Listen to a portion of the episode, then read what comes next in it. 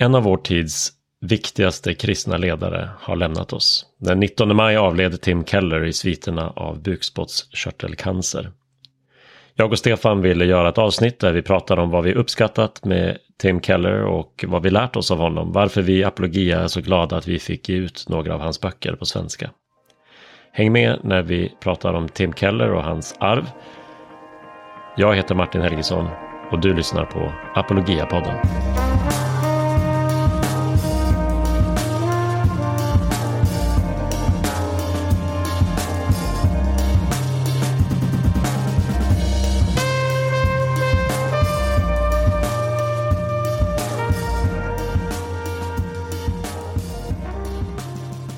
Då eh, är vi här i Apologia-poddens studio igen, du och jag Stefan. Det var eh, ännu en gång ett bra tag sedan vi spelade in tillsammans. Vi har varit upptagna på eh, varsitt håll eh, med lite allt möjligt och ganska nyligt hemkomna från European Leadership Forum. Eh, en stor eh, samling, konferens för europeiska kristna ledare.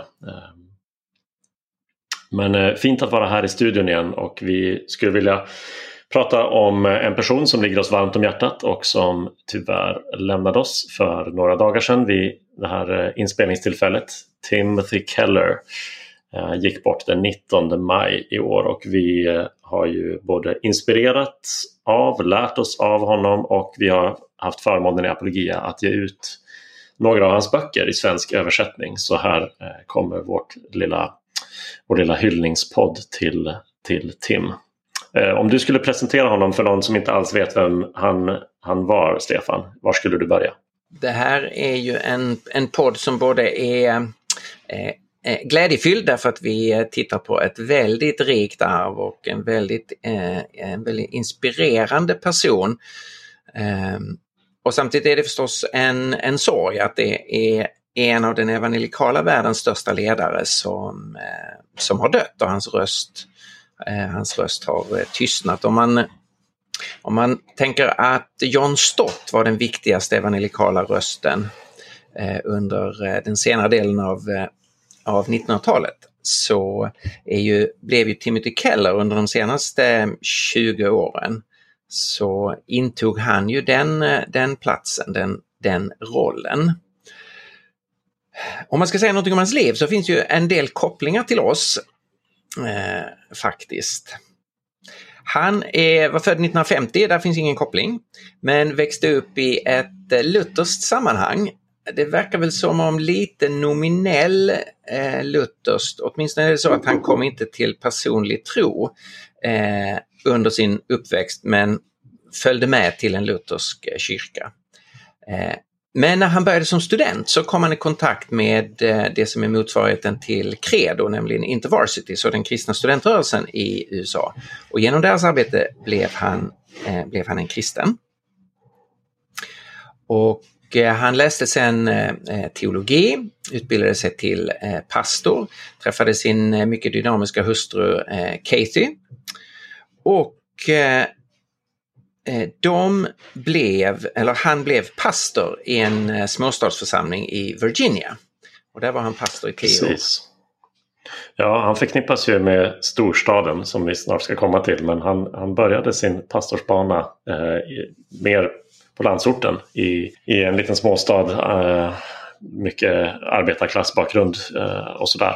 Eh, vilket är ett exempel på hur hur han eh, var flexibel eh, och så att säga lärde sig att verka där han var. Ehm, men sen eh, det som han är mest känd för kan man säga tar sin början i slutet av 80-talet. 1989 så grundar han församlingen Redeemer Presbyterian Church på Manhattan, centrala New York.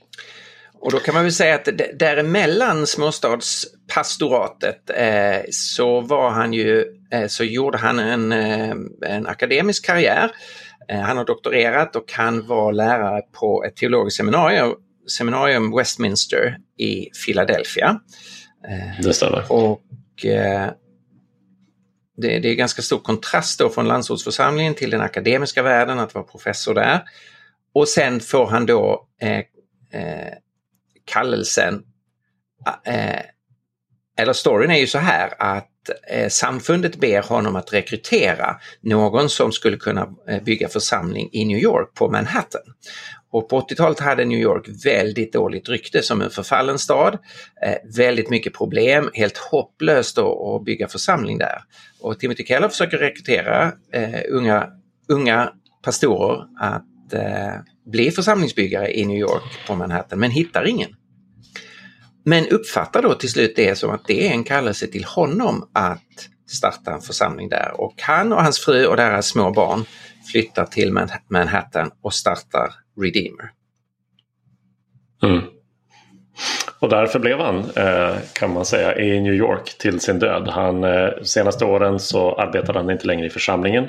Men eh, efter några år i församlingen, den, den växte ju ganska så explosionsartat och efterhand så startades ju utifrån församlingen ett eh, internationellt nätverk för församlingsplantering som heter Redeemer City to City som var väl där han la mest krut eh, tillsammans med sitt skrivande de sista åren i sitt liv. Men Redeemer är ett jätteintressant exempel. Alltså vi, vi vet hur trenderna ser ut i Sverige och eh, i mångt och mycket har det sett ut likadant i USA där eh, kyrkan så att säga, minskar i, i omfång på, på olika sätt och eh, Redeemer har varit ett sånt fascinerande och hoppingivande motexempel på det. Och man har liksom heller inte sett några eh, typiska ska vi säga, knep man har gjort för att eh, med, med, hjälp av yta eller med hjälp av någon slags glammig framtoning eller radikal förvandling av vad församling ska vara. Det är inte, det är inte sådana knep man har tagit till för att växa. Eh, Timothy Keller blev ju efter några år pastor för en, en megakyrka. De var ju mellan 5 och 6 tusen eh, medlemmar i församlingen från ingenting till en, en megakyrka. Men hade ju ingenting av det som vi ofta förknippar med amerikanska megakyrkor, alltså av eh, att gudstjänsten mer liknar en show där eh pastorn är en, en superstar, eh, där image blir väldigt viktiga av de som står på scenen. Eh, ingenting av det eh, var ju framgångsfaktorn för eh, Redeemer utan det var ju förkunnelsen av, av kristen tro. Det var det diakonala arbetet, att man brydde sig om nöden i, i New York. Det var autenticiteten, äktheten i, i relationer, att ta det mänskliga livet på allvar. Det var bejakandet av kultur och skapande det var ju sådana saker som, eh, som drog människor till Redeemer och, och eh, där sekulariserade, högutbildade, framgångsrika Manhattanbor eh, upptäckte att kristen tro har med verkligheten att göra. Den är på riktigt. Något väldigt inspirerande tycker jag också är ju det faktum att man eh, åtminstone under en lång tid hade eh, frågestund i slutet av gudstjänsten så att människor faktiskt fick eh, se att, att eh, kristna och att församlingen tog människors frågor på allvar och man kunde direkt i anslutning till eh, gudstjänsten ställa frågor med anledning av predikan eller annat som man hade hört om. Eh, vilket ju var en, en otrolig gåva till människor att göra, att ta sig tiden för människors frågor på det sättet. Och det visar ju den apologetiska dimensionen hos eh, Timothy Keller. Han är ju, har ju varit en av de mest eh, effektiva apologeterna de senaste eh, decennierna. Och I allt han skriver och gör så finns det en, ju den dimensionen av att förklara och försvara den, eh, den kristna tron. Eh, och här finns ju igen lite kopplingar till oss så att säga, inte bara det att eh, vi har ju våra rötter i apologia i, i credo i studentrörelsen. Eh, men också på det sättet att Francis Schaeffer har ju varit väldigt viktig som inspiration för oss, hans tänkande och hans arbete på Labri. Och om man läser, det har ganska nyligen kommit ut en biografi över Timothy Keller skriven av eh, Colin Hansen. Och då visade det sig att eh, Keller träffade Schaefer och är mycket inspirerad av Schaefer. Eh, han citerar sällan Schaefer eh, i predikningar mm. och så, men man har ju känt av att i tänkesättet och perspektivet i analysen så eh, ligger det mycket nära chefer. Men det eh, fanns mer där, eh, alltså att de faktiskt eh, träffades och det fanns en, en rejäl påverkan och inspiration. Sen kan man ju säga att han är, han är mycket inspirerad också av C.S. Lewis eh, som han ju eh, då också ofta citerar och, och refererar till. Absolut, och det är någonting med, med eh, Kellers framtoning som, som jag tror gör det lätt för oss europeer att knyta an till honom och ta till oss när vi lyssnar på honom. Och det har nog lite att göra med dels att han själv lärde sig mycket, influerades mycket av Francis Schaeffer som ju verkade eh, i Europa genom Labrie. Eh, men också att han lyssnade på John Stott och andra europeiska röster därför att han märkte att att eh, New York, eh, öst, amerikansk östkust, Eh, det man kallar för eh, liberala eliten så att säga, hade kanske lite mer gemensamt med europeisk kultur och europeiska tänkesätt än vad andra delar av den amerikanska kulturen gjorde. Och, och vice versa kan vi som europeer när vi lyssnar på honom märka att han på samma sätt inte tar så mycket för självklart som, som man i andra stora delar av amerikansk kristenhet kan göra. Eh, så det här finns liksom ett, en, eh, en väldigt naturlig kontakt mellan oss och eh, Kellers sätt att, att tala, undervisa, skriva och så vidare. Jag tänkte att vi, vi har tecknat lite av konturerna i, i, hans liv och vad han ägnade sig åt. Vi har också skrivit upp under några rubriker, inte mindre än sex stycken. Vad har vi lärt oss av Keller? Vad har vi uppskattat med honom? Så jag tänkte vi, vi tar några av de sakerna och, så att vi kan eh, fortsätta förklara varför han har varit så eh, betydelsefull, inflytelserik. Mm. Och eh, den första tänker jag, ja förlåt. Eh, nej jag bara tänkte det eh, vi har ju verkligen lärt oss mycket och uppskattat mycket hos Keller mm. och har ju då haft eh, förmånen att vara hans förläggare för tre av tre av böckerna som har kommit ut på svenska. Eh, men det är ju verkligen långt ifrån eh, enbart vi som har uppskattat Keller. I samband med hans död här så bara strömmade det ju in eh, kommentarer och hyllningar och väldigt berörande vittnesbörd från alla världens fem kontinenter. Eh, de stora tidningarna skrev om honom, eh, så New York, New York eh, Times, deras kände kommentator David Brooks skrev en, en lång artikel om honom och beskrev honom som en av de viktigaste och största teologerna i vår tid. Och väldigt intressant, den romersk-katolske kardinalen, eh, ärkebiskopen i New York, skrev nyligen en lång text om Timothy Keller och det tillhör inte vanligheten att eh, höga katoliker lyfter fram ledande evangelikala ledare. Men det gjorde eh, eh Timothy Dolan som han heter. Eh, eh, kring, eh, kring Keller. Så det, det finns många olika röster och vi, vi är en liten röst här som vill stämma in i det och lyfta fram några saker som vi, eh, som vi verkligen har uppskattat eh, hos Keller. Och den naturliga startpunkten är det som jag tänker att han själv hade valt om han hade beskrivit vad är viktigt för honom. Och det, det är att evangeliet ska vara i centrum. Att i all kommunikation av kristen tro så är det de goda nyheterna om Jesu Eh, död och uppståndelse som måste komma fram. Och det här gick liksom inte att lyssna på en enda predikan eller eh, ta in något av det han gjorde eh, och det som kom från Redeemer utan att slås av det. Nej, han hade ju en, en alldeles underbar förmåga att, eh, att föra, eh, föra en samtal, en diskussion eller se i en bibeltext hur det är kopplat till betydelsen av Jesu död och Eh, uppståndelse. Och han finns ju, eh, det finns ju ett, eh, en formulering som han själv väldigt ofta använder och som också användes i artikeln i, New York Times om det typiska med Timothy Keller. och då, då är det så här, om jag läser det på engelska. The gospel is this, we are more sinful and flawed in ourselves than we ever dared believe.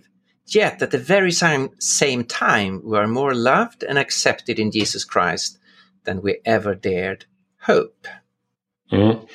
det är ju på pricken eh, det, ehm, det han stod för och det han kommunicerade. Och det är ju på något sätt det uppmuntrande här att det viktigaste med Tim Keller var inte något som egentligen var unikt för honom.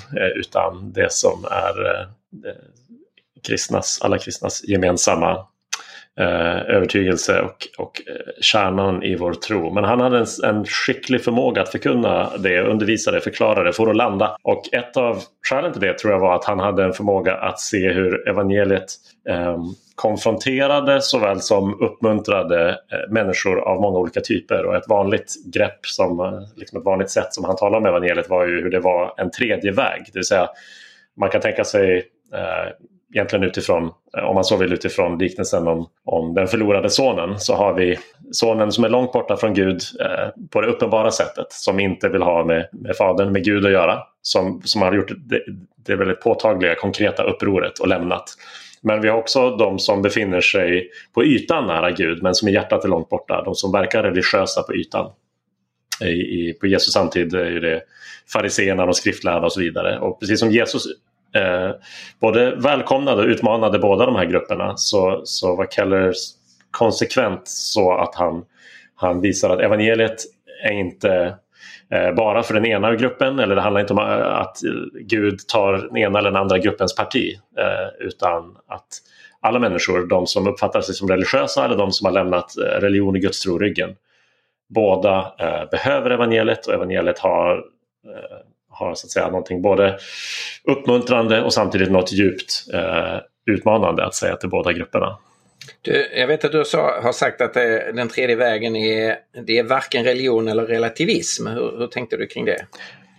Ja men det är väl ett sätt att, att försöka fånga det. Alltså i, i hans miljö då i eh, 90-tal, tidigt 2000-tal i New York så representeras de här grupperna lite grann av eh, religiösa, konservativa och lite kulturkristna falangen i amerikansk kultur som, som eh, ser ner på människorna som lever på olika, eh, liksom, som har gjort upp med traditionella värderingar och moral. Och han har en väldig förmåga att visa hur, hur evangeliet eh, avmaskerar den här typen av Eh, Eh, hyckleri eller högmod gentemot människor. Å andra sidan finns då gruppen som, som har gjort ett uppror mot, mot eh, eh Gud och kristen tro, har lämnat det ryggen och inte minst utifrån föreställningen att vi kan inte vi kan inte bara ha, liksom, välja ett sätt att tro utan alla måste få tro på sitt sätt. Eh, kristen tro i den klassiska bemärkelsen blir en tvångströja eh, och så vidare.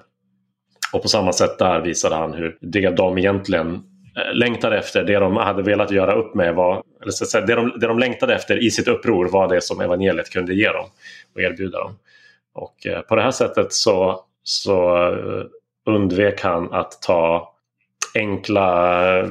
Han undvek dels att ta allt för enkla poänger och göra karikatyrer och förenkla saker för mycket och han undvek också att uppfattas som att han ställde sig politiskt på ena eller andra sidan, teologiskt på den andra sidan utan visade hur evangeliet har beröringspunkter med människor i alla läger.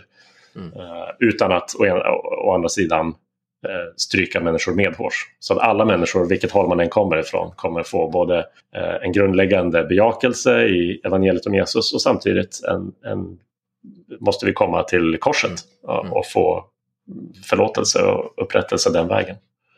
Jag har ofta använt hans, eh, eh, hans formulering att eh, eh, det som skiljer evangeliet från alla andra eh, uppfattningar det är skillnaden mellan, eh, mellan goda råd och goda nyheter. Om man ja, den, den har man hört mig säga också några gånger. så om man tittar på världens religioner så, så ger de ju en uppsättning goda råd för hur man ska eh, balansera upp sin skuld med goda gärningar eller hur man ska uppnå upplysning eller hur man ska skaffa sig god karma eller vad nu system, själva systemet är. Men, eh, men, men grundhållningen är, här är en uppsättning goda råd, följ dem så kan du nå eh, det här målet.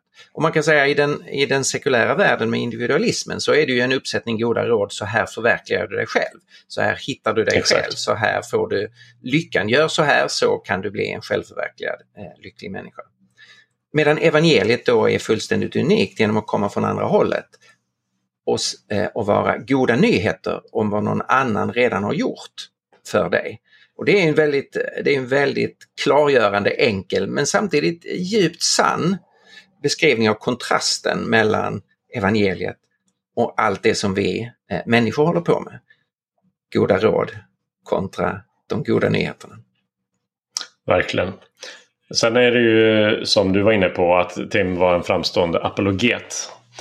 Uh, och det är verkligen något uh, såklart som vi apologia när vi har översatt hans böcker så är det ju uh, den sidan inte minst vi har velat lyfta fram. Och eh, här har ju Tim varit en inspirationskälla på så sätt att hans apologetik var verkligen grundad i verkliga mänskliga möten. Han la mycket tid under de första åren i New York på att möta människor, ställa frågor, samtala för att verkligen ta reda på vad är det som är hinder för människor när det gäller att komma till eh, till eh, Jesus. Det där är ju så, det där är ju så läckert. Det, det finns ju en koppling där till, till Schaefer Labré. Eh, Francis och Edith Schaefer öppnade ju sitt hem för människor. Det kom människor med, från alla möjliga sorters bakgrunder och, och bodde hos Schäfers och delade måltider och man förde samtal som ju gjorde att eh, Schaefers kom på insidan av hur en ung generation europeer eh, tänkte och kände och förstod världen.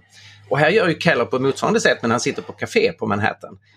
Och jag har ju flera, många gånger tänkt att det hade varit fantastiskt att få sitta med vid de borden eh, och lyssna till de samtalen och, och eh, liksom eh, se hur, där lägger ju Keller, han har ju en grund från, från tidigare förstås församlingserfarenheten och erfarenheten från Westminster, alltså utbildningen han har mött studenter, men nu att verkligen ta tid att komma på insidan av de icke-kristna på Manhattan för att förstå deras, vad är det som är hinder, blockeringar eh, i förhållande till kristen tro och vad är det man, man istället söker sin tillfredsställelse och sätter sitt hopp till. Eh, och det där verkar ju eh, det där verkar ha präglat honom djupt att han, eh, att han tog den tiden.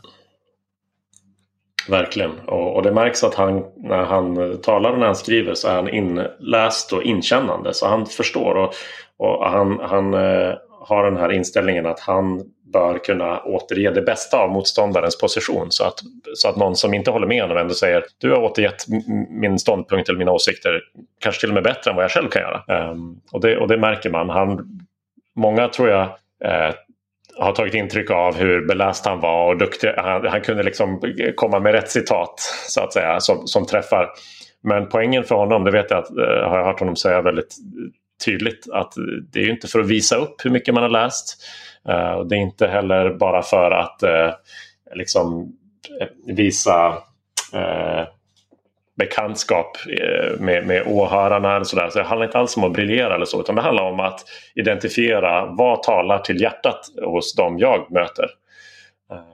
Och om inte jag förstår det så har jag också svårt att presentera evangeliet så att det når in till hjärtat. Och, och det där lyckades han eh, väldigt väl med. Han, uh, han, han kombinerar ju det som finns hos, uh, hos aposteln Petrus i det här kända stället om apologetik, att vara alltid beredda att svara var och en som kräver besked om ett hopp, men gör det ödmjukt och respektfullt. Uh, och det är ju den här kombinationen av att, att kunna, verkligen kunna ge svar och förklara, motivera och samtidigt den här ödmjukheten inför den andra människan, inför andra alternativ och respekten. Inklusive respekten att faktiskt försöka känna in och förstå den andras position och bemöda sig om att kunna eh, återge den. Eh, och eh, ja, där, eh, där finns ju väldigt mycket att lära för var och en som vill kommunicera med människor som inte delar den egna tron. Precis. Vi är i princip inne här också på, på det tredje området vi, vi pratat om här. Hans, hans kulturanalys eller kulturkritik. Eh, kritik då inte förstått bara som att vara negativ utan just eh, sin analys och, och sitt nystande i vad den omgivande kulturen säger. Här hade han, eh, jag, minns fortfarande något som jag läste för många år sedan av honom där han beskriver hur många andra kristna eh, förhåller sig till den omgivande kulturen. Att en del är så måna om att, att liksom tränga in i den. Eh, att man, man, man liksom borrar sig in i, i den omgivande kulturen men man går helt upp i den. Så man antar tänkesätt och värderingar från den sekulära kulturen som faktiskt är främmande för evangeliet. Andra för att de, eh, de ser det här problemet och, och ser eh, bristerna i, i sin omgivande kultur så står man liksom på något sätt vid sidan om, utanför och så bara liksom bombarderar man med sin kritik sin, över moraliskt förfall, över eh, alla möjliga saker som man upprörs över i kulturen. Och han sa att inget av de där sätten duger. Utan ska vi verkligen uppnå förändring och vinna människor för Gud så måste vi borra oss in i, in i hjärtat på kulturen. Vad är det människor verkligen söker och hungrar efter? Eh, och vad är det vår kultur kollektivt hungrar efter, törstar efter? Och sen när man har kommit åt det eh, liksom, centrum, då ska man, där ska man detonera evangeliet eh, i all sin kraft.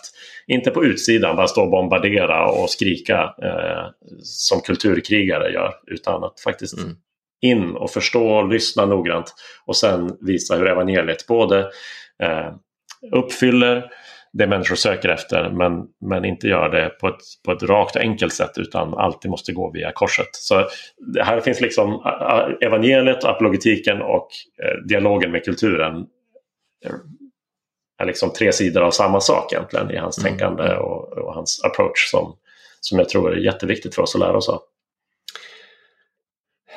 Eh, han, eh, han hade ju en, en, akademisk bakgrund då från eh, Westminster Theological Seminary. De har ju en, en historiskt en, en känd apologet som heter Cornelis van Til och som står som lite fader för en eh, man kan säga, apologetisk skola som man brukar kalla för eh, på engelska eh, presuppositionalism.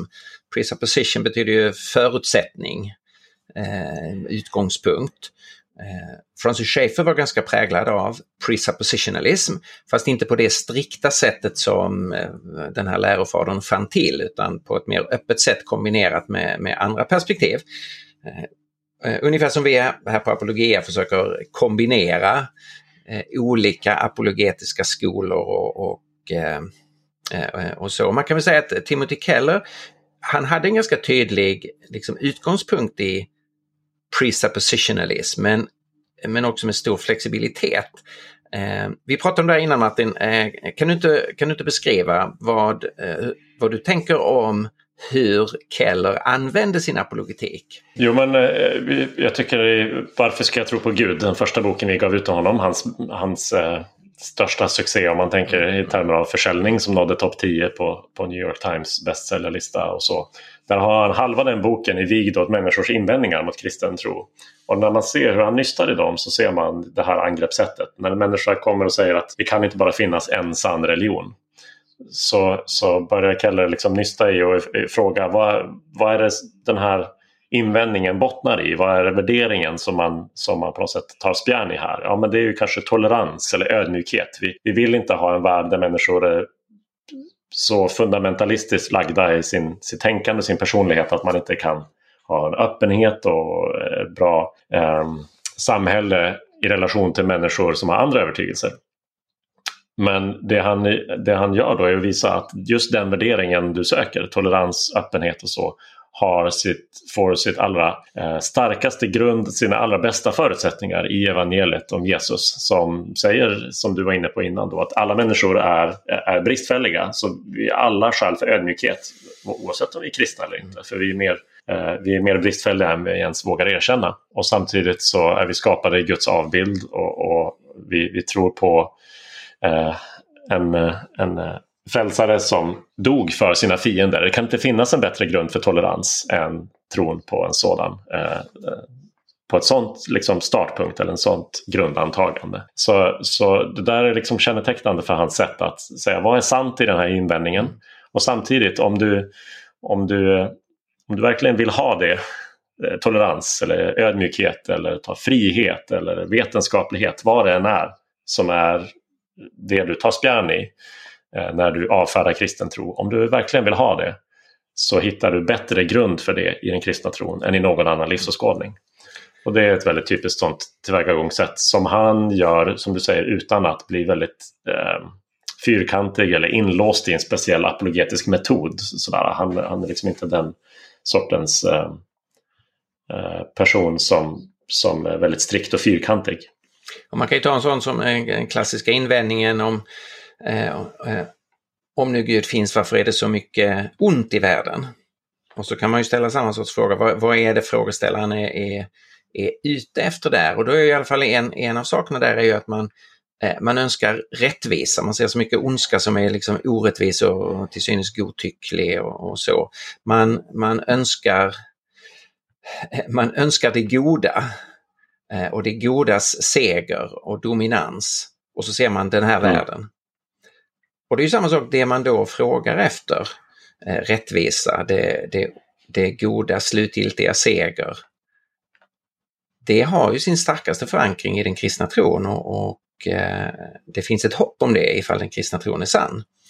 Så mm. det, det, finns ju, här finns ju väldigt, ett väldigt rikt perspektiv att resonera på det sättet. Sen är ju eh, Keller inte alls främmande för det som och den apologetiska skola som har kallats för evidentialism, alltså som utgår från eh, från historisk evidens och om man läser det han skriver om Jesus och evangelierna och uppståndelsen så relaterar han ju det till eh, just till historisk evidens, till ett faktamaterial som vi kan undersöka och utvärdera och, och, och pröva. Så han har ju en, en bred approach. Ska vi komma till den, den fjärde aspekten eh, av hans eh, eh livsverk som vi uppskattat och det är ju hans, hans eh, predikan helt enkelt. Hur han faktiskt eh, predikade, förkunnade vecka ut vecka in i, i församlingen. Och här får vi säga att han är väldigt tydligt tillhör den textutläggande skolan. Något som vi brinner för i Apologia och som jag arbetar för i nätverket Langham. Eh, och så här, va? Det går tillbaka bland annat till John Stott som vi, som vi nämnde då. Där, att, att förklara bibelordet i sitt sammanhang. Vad betyder det? Att inte snabbt ta genvägen till vad betyder det för oss idag utan vad är, vad är innebörden och meningen av det här i sitt, i sitt sammanhang. Eh, och samtidigt så var han inte så låst så att en gammaltestamentlig text lämnades därhän i 3, 4, 700 år före Kristus utan det fanns alltid en naturlig koppling mellan den texten och den kristna trons kärna i evangeliet.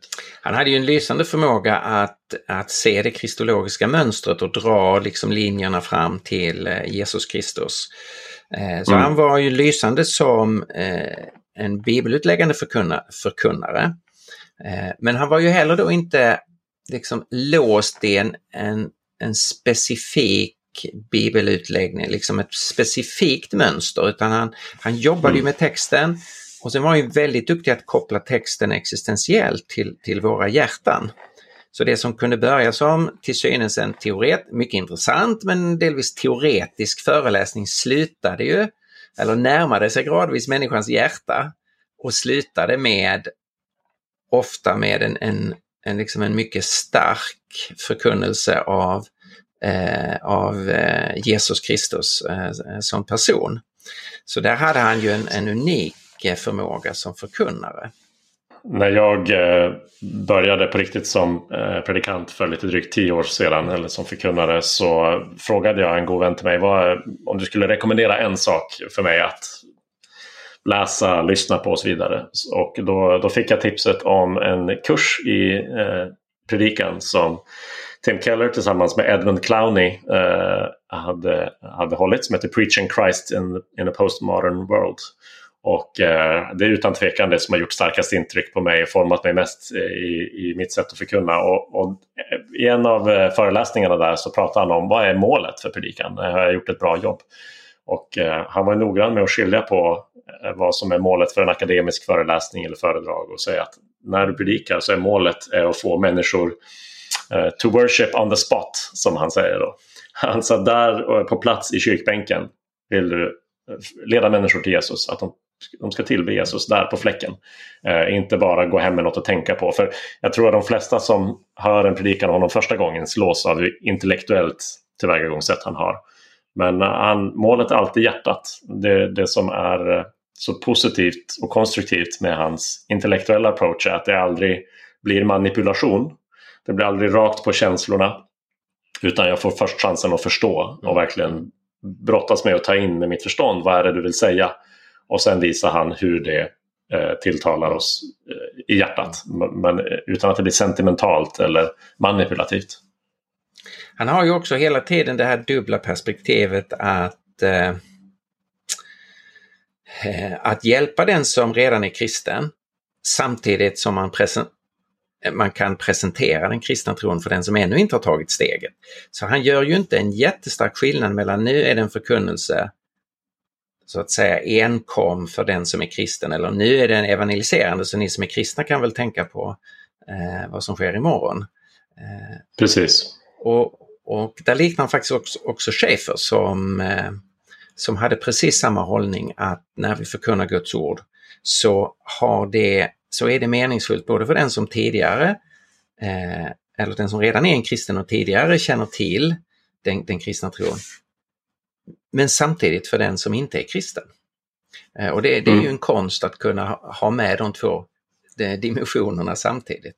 Eh, femte området då, det har ju med staden att göra. Eh, hans, hans främsta livsverk har att göra med församlingsbygget i staden. Och efterhand som det verkligen har tagit fart så ville han hjälpa människor världen över med detta. Och det kom till uttryck genom nätverket Redeemer City to City.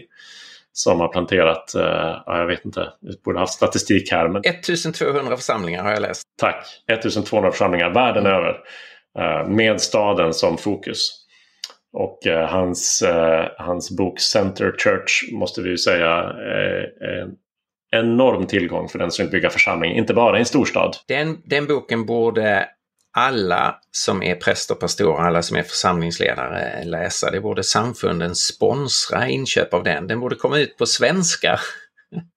Därför att det är, en, det är en alldeles unik resurs för församlingsplantering och församlingsförnyelse av redan eh, existerande församlingar. Eh, det går inte att rekommendera den boken tillräckligt.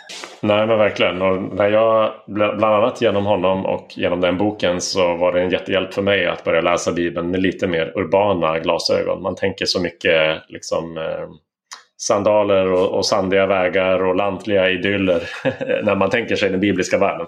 Men den är mycket mer eh, urban än så. Eh, det är inte han den enda som har lyft fram. Eh, det har andra mm. historiker och sociologer gjort också. Men hans sätt att, att visa hur, hur, eh, Eh, hur staden faktiskt eh, figurerar centralt i Bibeln och hur staden, det nya Jerusalem, är den bibliska eh, historiens mål. Inte ett, ett nytt lantligt Eden utan ett Eden som har fullbordats i formen av en stad. Mm ändrar jättemycket hur vi tänker kring mänsklig kultur. Här, fin här finns ju en, en, pragmatisk dimension att eh, globalt sett så sker det ju en våldsam snabb urbanisering. Att mänskligheten ja. flyttar från landsbygd till städer och från städer till megastäder. Och det är en process som har pågått eh, under 1900-talet och i accelererande hastighet pågår nu över hela världen.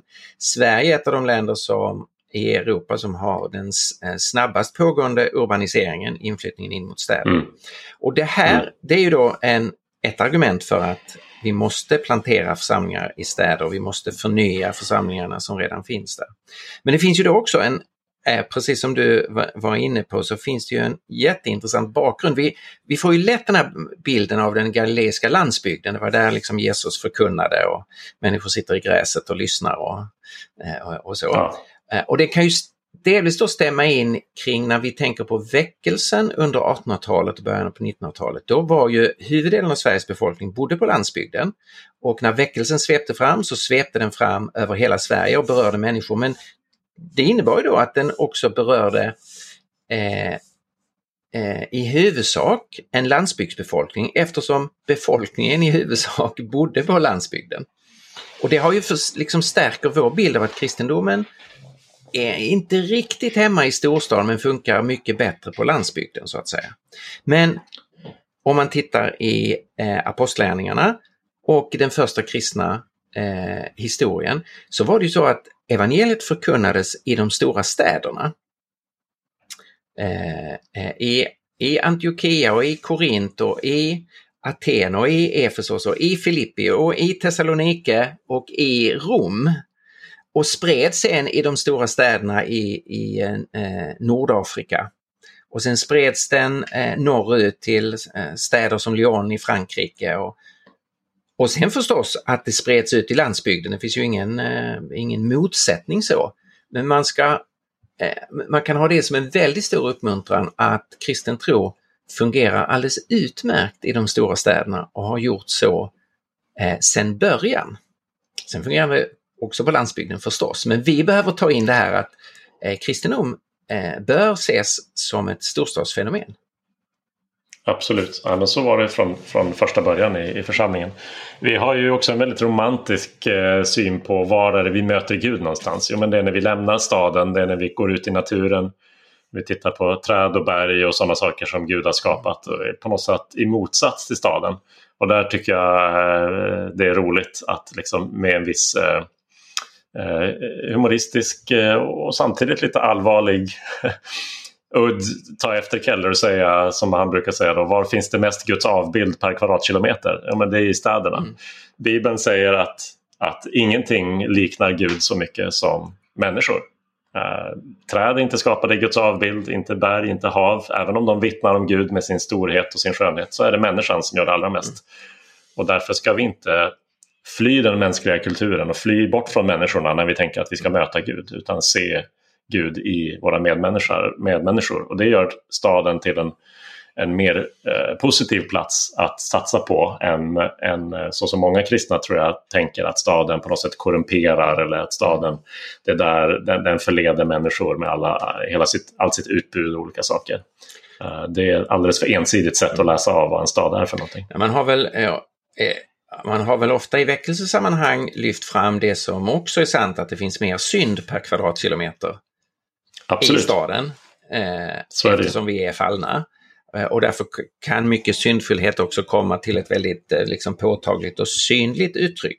Men det är ju precis lika sant det andra, att relationer, mm. och kreativitet och godhet och skönhet och allt det som är eh, fortfarande är reflexer från, från skapelsen eh, och som är ett uttryck för att vi är hans avbilder. Det finns också i staden.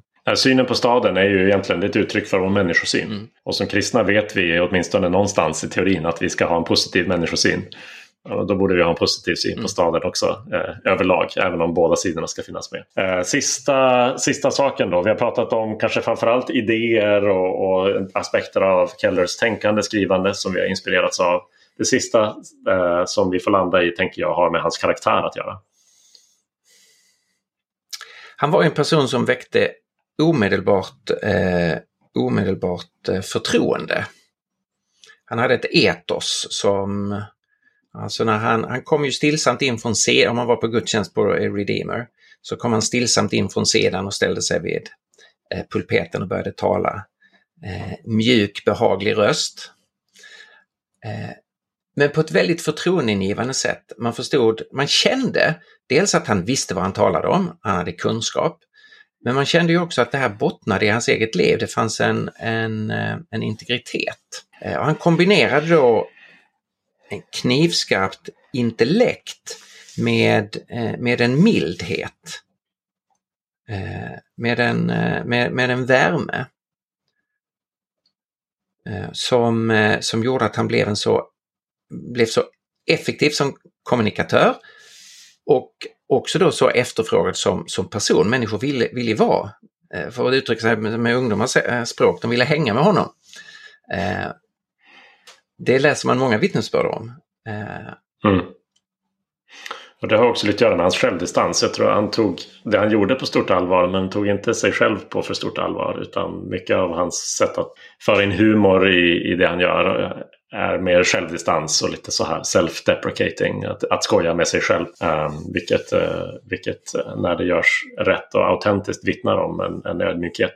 Uh, sen uppskattar jag generositeten som finns i både i, i hans sätt att vara som person men, men det märks i hela Redeemer nätverket och i de planterar församlingar. Att de har planterat inte bara presbyterianska församlingar och aldrig med någon slags idé eller målsättning av att göra kopior av Redeemer Presbyterian. Utan man har planterat församlingar i alla möjliga samfund som ska ta sig lokala kulturella uttryck och så här. Va? Eh, det har inte handlat om att kopiera någon slags modell eh, som de har haft utan man har bara velat tjäna eh, och, och, hjälpa eh, efter bästa förmåga till att plantera evangeliskt centrerade församlingar och sen kan de se väldigt, väldigt olika ut. Du, jag träffade ju på, eh, på ELF ett, eh, ett, eh, ett par där eh, eh, som kom från Rom. Ja, de är ursprungligen från, från Brasilien men är i Rom och har planterat en kyrka. Och det var ju precis det de sa, vilken fantastisk inspiration och hjälp de hade fått från City to City. Men hur avgörande det var att man inte behövde kopiera det som hade fungerat på Manhattan, att liksom slaviskt kopiera det därför att situationen för en evangelisk kyrka i centrala Rom, i katolska Italien, är en så väldigt annorlunda situation. Eh, och det var en av de saker som man, eh, man uttryckte så, så, så ta, stor tacksamhet eh, över att eh, man, man hade fått så mycket hjälp. Men det var inte i form av en, en, en järnhård mall, utan det handlade mycket mm. mer om ett sätt att tänka och om redskap man kunde använda i sin egen kontext. Verkligen. Så ja, med allt detta sagt så är det rimligt och naturligt och rätt att hedra eh, en så en viktig och eh, betydelsefull inspirationskälla och eh, föredöme som Tim Keller. Och vi tackar verkligen eh, Gud för honom och det han, uh, han gjort. Så är det. Vi, som evangeliska kristna så har, utser vi ju inte specifika helgon utan vi utgår ifrån vad Nya Testamentet så ofta säger. Att alla som är i Kristus är heliga. Men däremot så har vi ju mm. inga problem med att, att hedra Eh, Eh, människor som eh, Gud har använt på ett särskilt sätt och som har ställt sig till eh, i Guds tjänst. Och Timothy Keller var ju verkligen en sådan person. Och jag citerade i någonting jag skrev om honom hur en, en person som hade läst Varför ska jag tro på Gud och blivit djupt tagen av det och kände att Nej, men jag måste dela det här. Så han startade ett, på eget initiativ ett, ett Twitterkonto, Daily Keller, med liksom, eh, vad han tyckte det var väldigt, eh, väldigt bra citat från Varför ska jag tro på Gud? Och det växte sen explosionsartat och fick snabbt över 100 000 följare och, eh, och så. Och han berättade nu i samband med när nyheten kom att Keller var död, då berättade han att han hade, han hade fått möjlighet att träffa Timothy Keller och de är i samband med en konferens och han blev introducerad för Keller och han kände sig nervös och osäker och han skrev att han är så dålig på eh, att småprata. Men han kände det var en sak han, eh, han måste säga innan de, de skildes åt. Och det var han sa, eh, Tim, jag, eh, jag måste få säga en sak till dig. Du gjorde Jesus vacker för mig. Och eh, Timothy Keller hade tittat på honom och svarat Ja, det är meningen. Och det fångar ju väldigt väl det som är essensen i, i, eh, i eh, Kellers livsverk, att göra Jesus vacker för oss. Så jag tror att det är många av oss som kan eh, instämma i den här unge, unge mannens eh, kommentar. Han, hade, han lyckades verkligen i en mening fånga väldigt, väldigt mycket. Ja, det är på pricken rätt, verkligen. Vi hedrar ju också um... Timothy Keller genom att eh, vi önskar att fler ska få få del av eh, det han har gjort. Och därför så är det ju nu eh, i en hel månad framåt möjligt att köpa Timothy Kellers böcker till ett kraftigt reducerat pris. Eh, så Apologia förlag har sänkt priserna på Varför ska jag tro på Gud? På Korset, Korsfäst konung, som ju är en fantastisk genomgång av Marcus evangeliet. Och den senaste boken vi har, eh, som vi har gett ut, eh, Hur ska vi förstå Gud? En inbjudan till skeptiker. Så om du inte har varit i närmare kontakt med eh, Kellers eh, tänkande och med det han har skrivit så ska du passa på chansen nu och eh, inhandla några Kellerböcker. Eller om du redan är berörd och har läst så vet du att de här böckerna är värda att eh, sprida och ge bort. Jag ska just säga det, både Varför ska jag tro på Gud och Hur ska vi förstå Gud är ju Uh, utmärkta böcker att ge till en vän, läsa tillsammans med någon som inte är kristen. Uh, om man får den chansen eller vill prova att ta den chansen. Um, ganska kort före Kellers död så meddelade man från Gospel in Life som är liksom, uh, plattformen på nätet som förvaltar hans arkiv av predikningar att man släpper det fritt och öppet. Så vill du prova på att lyssna på något annat när det här avsnittet tar slut alldeles strax så kan du också leta upp podden Gospel in Life eller gå in på hemsidan där du kan leta upp eh, eh, ur ett enormt arkiv av eh, predikningar och föredrag som han har hållit. Så det får vara våra avslutande tips och eh, vi tackar dig för att du har hängt med och lyssnat på detta lilla hedersavsnitt till eh, minnet av eh, Tim Keller. Några sista ord, Stefan? Det är väl det är ju härligt att få kunna se tillbaka på en, en människas liv som har burit så mycket frukt. Eh, och det finns ju en stor tacksamhet att Gud reste upp en sån ledare och vi behöver ju, vi behöver ju be om nya ledare. Precis som det fanns en eh, Timoteus som eh, tog över efter, efter Paulus i, i Efesos så behövs det ju på många platser i världen eh, Tim Kellers eh, som kan följa i, i, eh, i hans fotspår eller följa i den, den riktningen som han har dragit upp. Så det är också ett, ett bönämne. Eh, kristna ledare som eh, kan gestalta kristen tro på ett liknande sätt som Timothy Keller gjorde och göra Jesus vacker för oss andra.